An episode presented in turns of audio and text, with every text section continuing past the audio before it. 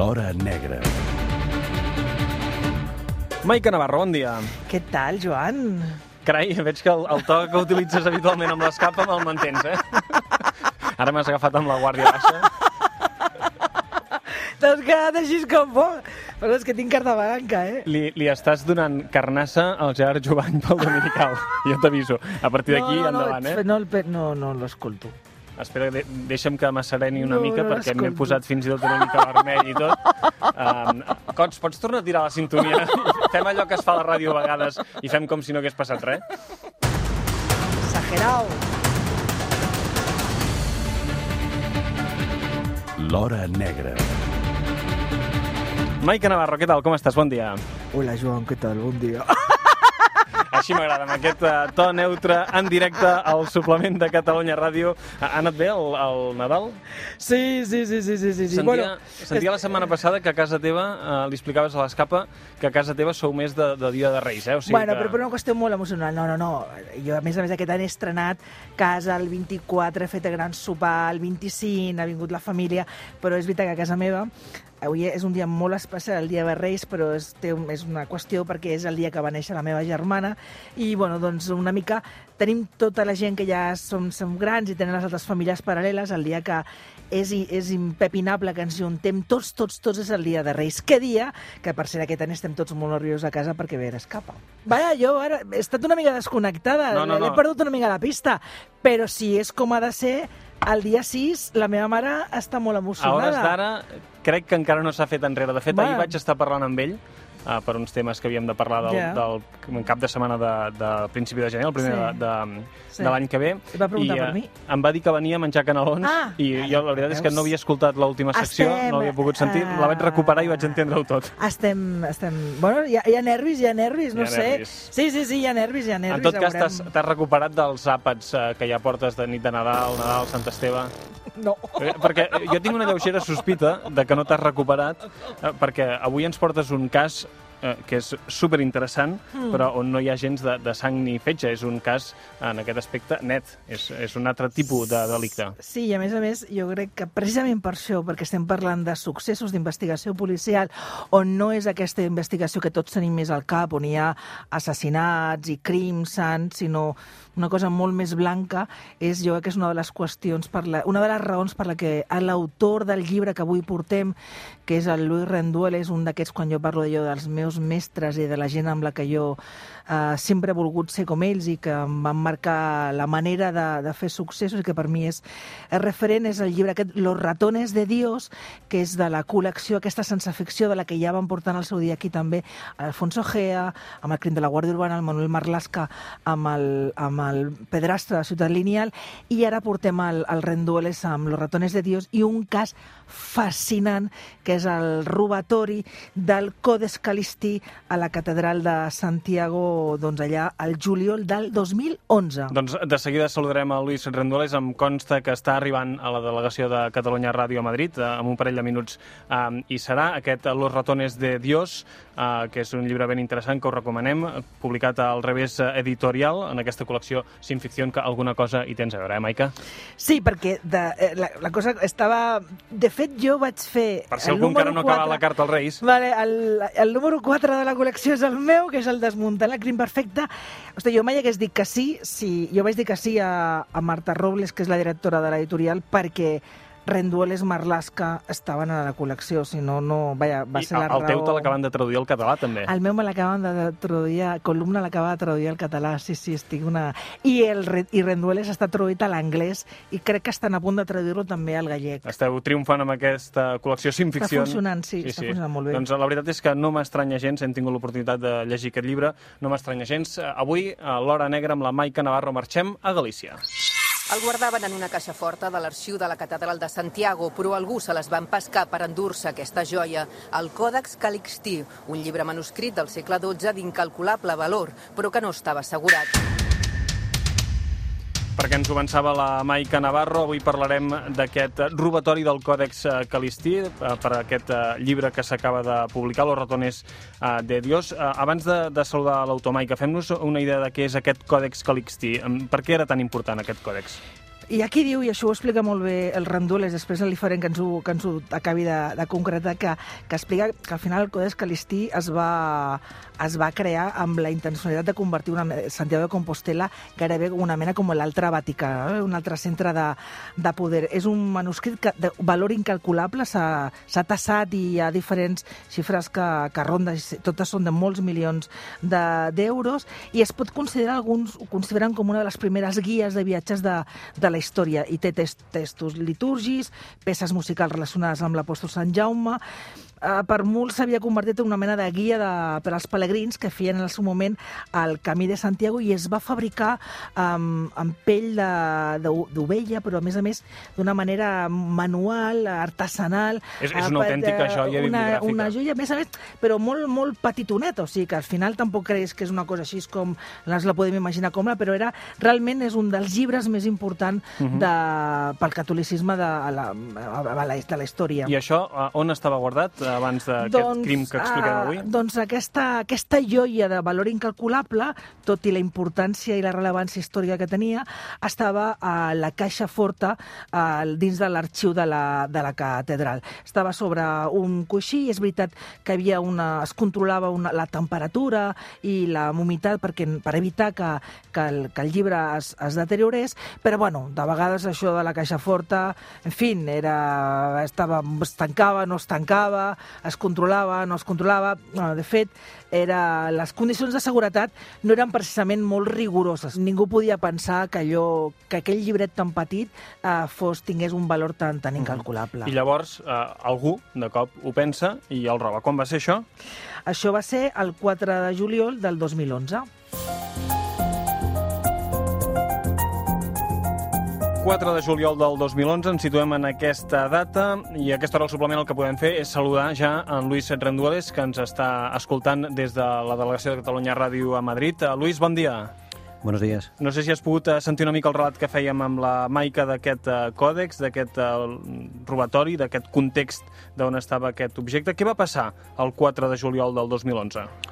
Eh, lo que ocurre ahí ya es que se da la voz de alarma de que alguien se ha llevado el, el, el Códice Calistino, no se sabía en qué día. Maika decía que era un libro chiquitín, es verdad, son 30 centímetros mm. de, de, largo por 22 de ancho. Y aunque en un primer momento la, la, gente poderosa de la Catedral de Santiago, que es un poder, eh, yo diría que mayor que la Junta de Galicia, desde luego, mm. la gente poderosa de la Catedral de Santiago intenta no denunciarlo, pero hay un momento que el deán, que es el, el jefe supremo de ese, de ese de ese templo, de ese universo, pues no, no le queda más remedio que acudir a la policía. Y ahí viene todo lo que contamos en el libro, que es la investigación, pero además al, al, llegar la policía a la catedral, contaba, cuenta el inspector Tenorio en el libro, mm. la policía entra como en la Edad Media. ¿no? Allí no había entrado nadie con, con, poder para investigar desde hacía cientos de años. Y claro, al poner la lupa y en meter luz en ese mundo, pues se descubren un montón de, de misèries humanes i entre esa misèria humana està el mòbil del, del robo del Códice Calistí. Són, són unes misèries que, que si m'ho permeteu, um, això, aquest llibre, Los ratones de Dios, um, pràcticament um, vaja, és, és com una mena de, de el Codi da Vinci, però basat en fets reals, perquè és, sí. tenim un context uh, eclesiàstic, uh, uns sí. personatges que aniran creixent, que no són el que semblen. Eh, yo lo comparo con... Hay dos cosas que me iba... Cuando yo iba con, hablando con gente en Santiago, en Madrid, con los investigadores, hay, hay dos cosas que me venían a la cabeza de vez en cuando. Una era una película de Berlanga uh -huh. y otra era el juego este que no sé si habréis jugado, el, el Cluedo. Sí. Porque es un espacio muy cerrado, la Catedral de Santiago. Los, los sacerdotes y los trabajadores del templo viven allí, uh -huh. eh, hacen su vida allí y en dos manzanas más. Algunos mueren allí, algunos están enterrados allí. Y aquí era un sitio muy cerrado, muy claustrofóbico, con sus propias leyes, con sus propios códigos, como dices tú. Y eh, me traía a la memoria todo eso, más, un, más los libros que yo leía de chavalín de Agatha Christie, ¿no? Eh, la policía la semana del robo hace una lista de 13 sospechosos, que uh -huh. son como los 13 negritos de, de Agatha Christie, y a partir de ahí se empieza a mirar. Y empiezan a pasar cosas increíbles, y cuento una que no se me ha olvidado, que es la primera pista eh, hay una monja que se acerca sí. a, a, una policía, que está investigando una policía que ha llegado de la Brigada de Patrimonio Histórico, y una monja se le acerca, sí, Ana, se le acerca y le dice a, a Ana, mira inspectora, el organista puede haberlo robado. Y claro, obviamente la policía tiene que mirarlo. Y el argumento de peso para que, para que pudiera ser el ladrón era que era homosexual. En ese nivel de mundo, luego la policía investiga al organista y se da cuenta de que la monja odia al organista porque cuando llegan las misas de domingo, eh, ella dice que el organista toca muy fuerte cuando canta ella en el coro y le tapa la voz. Entonces, digamos que en ese ambiente enfermizo, así lo definió un, un psicólogo que, que examinó al, al ladrón, en ese ambiente enfermizo eh, creció y se produjo el robo de- del códice. Los secretos de la catedral nunca salían del templo. Una espesa omertá, una ley del silencio sagrada, envolvía la vida y los problemas entre los canónigos. También los líos de los gregarios, sus servidores, algunos de los cuales se beneficiaban de ese sistema de vida regido por sus propias leyes. És, la verdad es que eh, és, ho escoltes i com deia el Joan és una mena com de, de código da Vinci amb uns personatges que són fascinants i que al final hi ha un moment en què el, el, el robo del, de, de, del Codes Calistí és, és el de menys. Explica'ns, Luis, ¿cuándo, ¿cuándo se pone la mirada sobre, sobre el electricista? ¿Cuándo, ¿Cuándo empieza a ser sospechoso? El electricista Castiñeiras está ya en esa lista de 13, de 13 personas. Gregarios eh, llaman allí a, la- a los trabajadores Sí. de, de la catedral. ¿no? Él forma parte de esos gregarios. Además, eh, cuando los primeros encuentros que tiene la policía con Castiñeiras, que aunque está despedido y jubilado, Exacto. sigue yendo cada mañana a misa a la catedral, Castiñeiras llega a acercarse a los policías y llega a decirles, "Mm, me ofrezco para buscar, y por las mañanas, cuando salía de la misa, se asomaba, buscaba a los policías y les decía, sigo buscando, ¿eh? con mucha retranca con mucha retranca gallega. Bueno, pues Castiñeras entra casi desde el primer momento en esa lista de 13 personas. La policía ve que hay algunos trabajadores que tienen demasiado dinero en cuentas corrientes, trabajadores gregarios, humildes. Hay, hay, hay algún trabajador en la Catedral de Santiago que tiene 300.000 euros en una cuenta corriente. Eso, francamente, es una capacidad de ahorro asombrosa, pero bueno, eso ya no se y investigó más. trabajadores que tuvieron que tenían incluso cuentas en el extranjero. Sí, sí, sí. No, no. Hay- hay- y la- los informes de la policía hablan de cantidades de dinero interesantes. El, llibre, el títol del llibre, Los ratones de Dios. Uh, per què aquest títol? Doncs, bueno, explica-ho tu, Rendueles, però clar, Sí. el que és la policia és que lo del codi és lo de menys. És que ja la gent es- s'han portat el que li ha donat la gana durant anys i anys i anys. Hay un momento en que la policía se da cuenta que al menos desde 2003, el robo es en 2011, hablamos de ocho años seguidos como mínimo, que al menos desde 2003 ha habido gente que ha robado dinero de los cepillos de la catedral. La catedral de Santiago es una máquina de recaudar dinero. Claro. Hay ocho años seguidos robando dinero. Y hay un momento en que la inspectora Ana se acerca al deán, al jefe de la catedral, y le dice, ¿cómo es posible que ustedes no hayan dicho nada, no hayan denunciado nada, si les están quitando dinero permanentemente todos los años?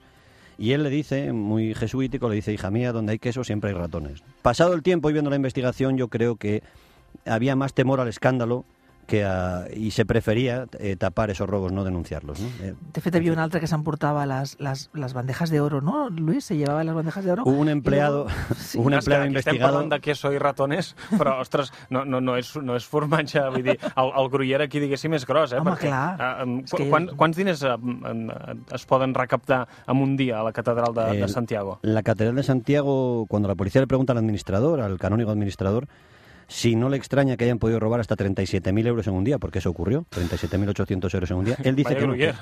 que en los días buenos había 50.000 euros. Mira, cuando, se, cuando acaba todo este escándalo, se detiene al electricista, el tribunal que juzga al electricista habla no solo del electricista, sino de la clamorosa desidia de la Iglesia Católica con los donativos de la gente. Eh, hasta ese año, el, digamos que las cuentas las llevaban los propios canónigos y perdían unos 170.000 euros al año. Clar, és que, la, la, la impactant.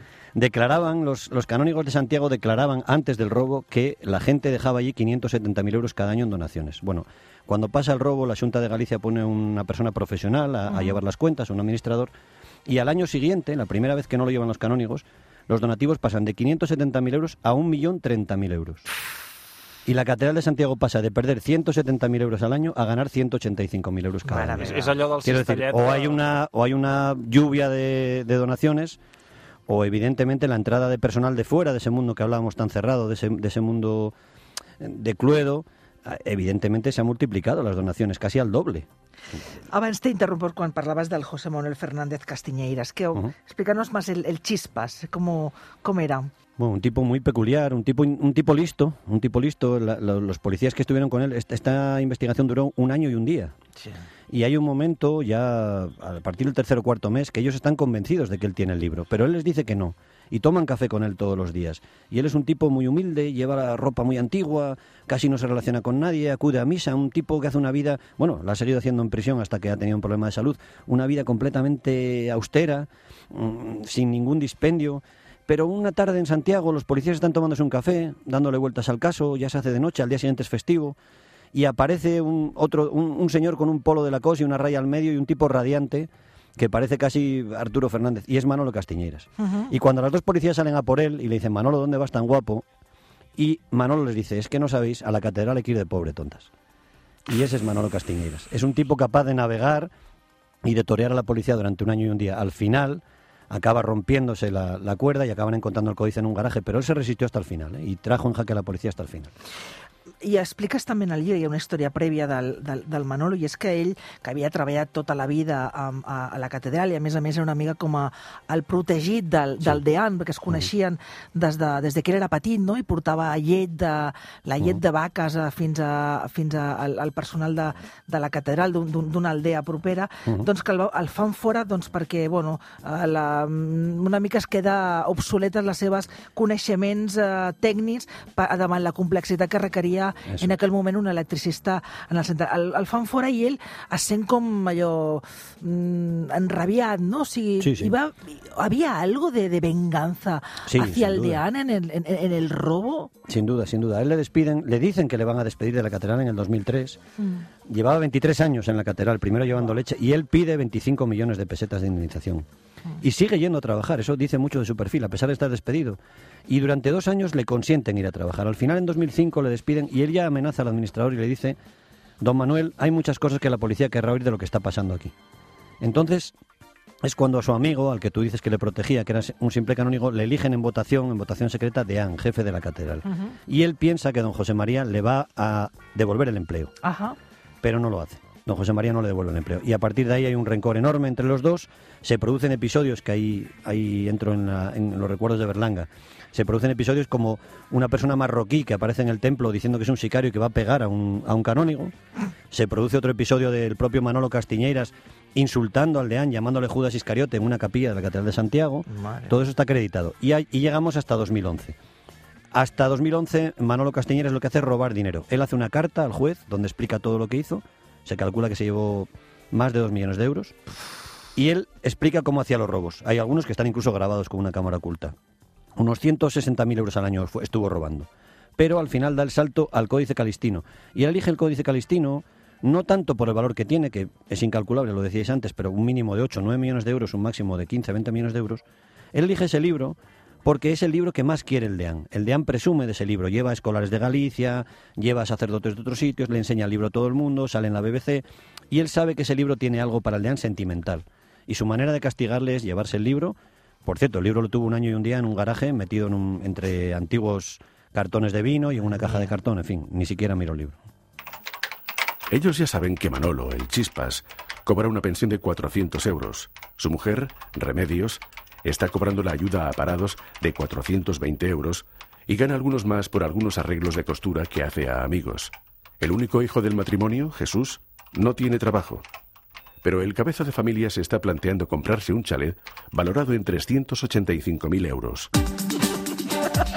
Aquí, aquí anem veient amb una claredat eh, gairebé suprema, no? ja que parlem d'aquest tema, que hi ha aquest doble mòbil, no? d'una banda l'enriquiment que ja el té solucionat i de l'altra la venjança. eh, Sí, pero a- tot i la pasta aquesta, a part de, eh, no, corrígeme, Luis, aparte de, de bueno, este chalet que estaba comprando y otras que se compró en San Xenxo, tampoco hacían una vida esa familia ostentosa. De hecho, el registro en ese, en ese, en su casa, en el, en el garaje, fue fascinante, no solamente por la cantidad de millones de euros en metálico que encontraron en, en, en la maleta, sino que además robaba de todo, robaba la ca- las cartas de los vecinos, Luis. Sí, sí, 160 robaba. cartas. De Robaba vecinos cartas de correo. vecinos, tenía billetes de 40, de 50 países antes del euro, de todo el mundo.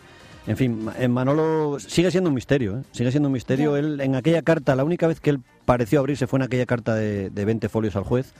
Ahí habla de, de los efebos, los llamaba él así, los efebos del deán, algunos monaguillos jóvenes con los que, según él, el deán y otros canónigos tenían relaciones. Ahí habla de, de escenas que es difícil pensar que sean inventadas. Él dice cómo en las misas eh, los ratones, los ratones de Dios, se peleaban por llegar antes a un cepillo muy concreto. Hay 16 cepillos en la catedral. Pero el cepillo donde más dinero dejan los, los peregrinos es el que está cerca del altar a la derecha porque está cerca de las cenizas del apóstol. Entonces él decía que era muy difícil llegar el primero al cepillo porque otras personas, otros gregarios, llegaban antes que él. ¿no? Realment començo a veure Berlanga, eh? Entonces, cuando llega al juicio, él decide callarse. Aún así, el juez Vázquez Taín manda todas todos, esos, todos esos indicios a la audiencia de La Coruña. que eso hubiese su- supuesto poner patas arriba a la Catedral Claro. de Santiago y casi la, la Claro. Iglesia Católica en España. Hay un trabajador del Vaticano que cuando van a verle los policías les dice, tengan ustedes en cuenta que la Catedral de Santiago es la única con el Vaticano que tiene como un sindicato poderoso que se gobierna a sí mismo, en toda la Iglesia Católica. En un context així, i quan la policia ja té la, la seva llista, aquests 13 sospitosos, i a poc a poc es van, es van centrant amb aquest uh, Manolo Chispas. El Chispas, um, com fas la investigació? Suposo que ha de ser una investigació ultrapulcra, però que, a més a més, eh, has d'anar ràpid i has d'anar discret. Claro, claro. Entonces, eh, es una investigación artesanal, Exacto. artesanal, como decís. Y luego eh, hay un inspector bastante volcánico asturiano que está en el libro, el inspector Tenorio, que él aparece en enero en la catedral. Digamos que tiene la sangre más caliente que la inspectora Ana, son, son el poli bueno y el poli malo del libro, ¿no? Y el inspector jefe Tenorio, lo cuento en el libro, hay un momento que le dice al deán, mire, yo me estoy enterando de muchas cosas aquí que a mí me dan igual, pero como usted no colabora, yo pongo patas arriba todo. El deán no colabora y el 12 de enero hay un momento en que la policía se lleva detenido a un monaguillo que es supuestamente un efebo del deán que ha marcado el, el- el- el electricista, el chispas. Se lo llevan a comisaría y esa escena está, es una escena eh, que cambia todo, porque ese 12 de enero son seis meses sin el códice, sin ninguna pista, y en ese interrogatorio al, al monaguillo, que es un interrogatorio simplemente para poner nervioso al deán, los policías ven como el móvil del monaguillo no para de sonar y le está llamando al deán todo el tiempo. Y cuando le dejan coger el móvil, le dice el deán, diles que vengan. Cuando van al templo el 12 de enero, insisto, seis meses después del robo, el deán milagrosamente se ha acordado de que hay un- una bolsa de basura con una, alguna cosa en alguna capilla.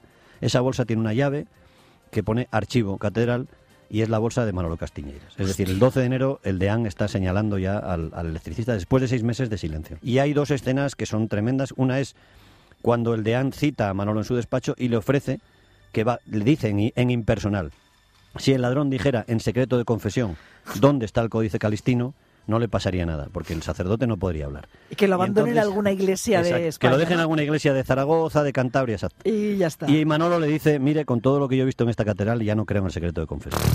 Entonces, esa reunión termina así.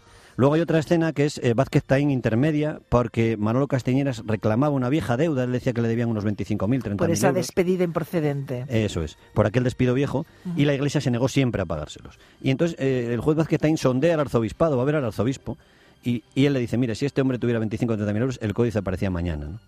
Deciden esperar porque la policía dice, no, no, lo vamos a recuperar sin, sin, Sin hacer esa, esa maniobra. ¿no? Y al final sale bien. Uh, Maica, Luis, eh, per acabar només tinc eh, dues preguntes, uh, em saltaré uns quants capítols. Uh, Manuel Fernández Castanyeres, eh, què, què fa ara mateix? Manolo estaba condenado a 11 años de cárcel, 11 años y medio. Uh Eh, en prisión coleccionaba todos los tickets de la comida cada día, tenía una montaña de tickets y hace unos meses sufrió un derrame. Él ya había tenido un episodio vascular, un episodio cerebral y el juez ha dictaminado que, que cumpla la condena en libertad. Está muy delicado de, de- de salud, sigue Nunca se Santiago. recuperó todo el dinero, ¿verdad? De hecho, la policía sospecha No, no, Luis, no. Que, que debe haber en algún sitio dinero escondido todavía de, del Chispas, que no sé si su mujer o Remedios, Remedios o su hijo, mm, ni siquiera ellos deben saber. Yo creo que no lo vamos a saber nunca, Nunca, ¿no? porque ahí faltan 200. Bueno, date cuenta la frialdad de este hombre. Tenía 600.000 euros en una maleta en el patio. La policía estuvo 14 horas registrando, no encontró la maleta y él se fue. Y al día siguiente un vecino vio la maleta en el patio de luces y llamó, y ahí había 600.000 euros.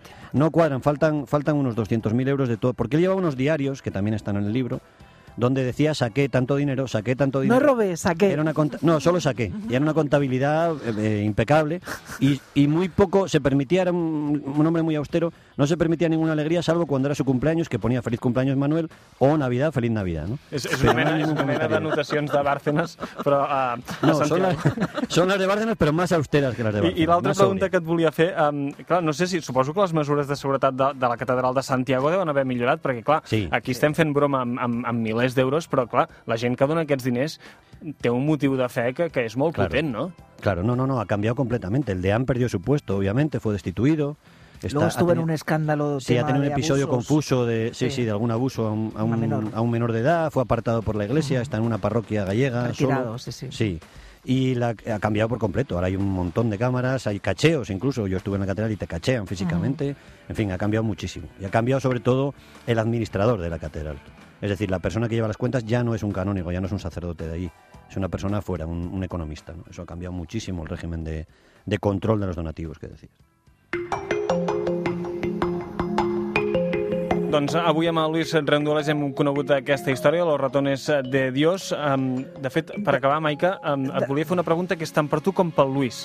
Vosaltres que heu escrit llibres basats en històries que la gent coneix, com, com es fa per escriure una història que si vas a Google veus com acaba? Eh, yo creo que lo, lo, bonito de esta historia es verdad que sabes el final, pero no sabes todo, todo el entramado, ¿no? Y, y yo creo que decía John Lennon, ¿no? La vida es lo que te pasa por el camino pues eh, hasta encontrar el códice, lo divertido es lo que pasó por el camino. ¿no? Y ese camino en, Santiago, en la catedral, es lo que he intentado contar en el libro. Y yo creo que sobre todo en este caso, en el caso de Luis, es la manera como, como lo cuenta, cómo, cómo te traslada, cómo te mete en, la, en, esa, en esa catedral, cómo te pones en la piel de esa inspectora, cómo alucina y cómo el lector alucina con ella de todas las cosas que pudieron pasar. Y es verdad que la gente consume información de sucesos, pero como la actualidad es tan, tan, tan, tan, tan, tan efervescente, al final cuando coges un libro que te atrapa, y eso también pasa pues con el de Marlaska, con G, y con todos los compañeros, eh, si están bien contados, es de, es de agradecer. Yo creo que este Ratones de Dios es un librazo que la verdad es que lo recomendamos muchísimo porque no va a dejar indiferente y es un es que es una aventura es una aventura es, un, es, es nuestro códice particular nuestro ¿cómo era? El, el, el Codi de Vinci, el de Vinci particular. doncs, ja ho sabeu, si heu d'acabar la carta als Reis teniu aquest Los ratones de Dios també teniu el Desmontando el crimen perfecto de la Maica Navarro. Uh, Luis, moltes gràcies per haver estat avui amb el suplement Un placer. Muchísimas Maica, gracias, Luis. Uh, Gracias, la Maica. setmana que ve ens expliques com uh, Ah, ja, els preparatius, no? Serà dia, dia 4, dia 5, ja, ja, ja ho tindreu a punt.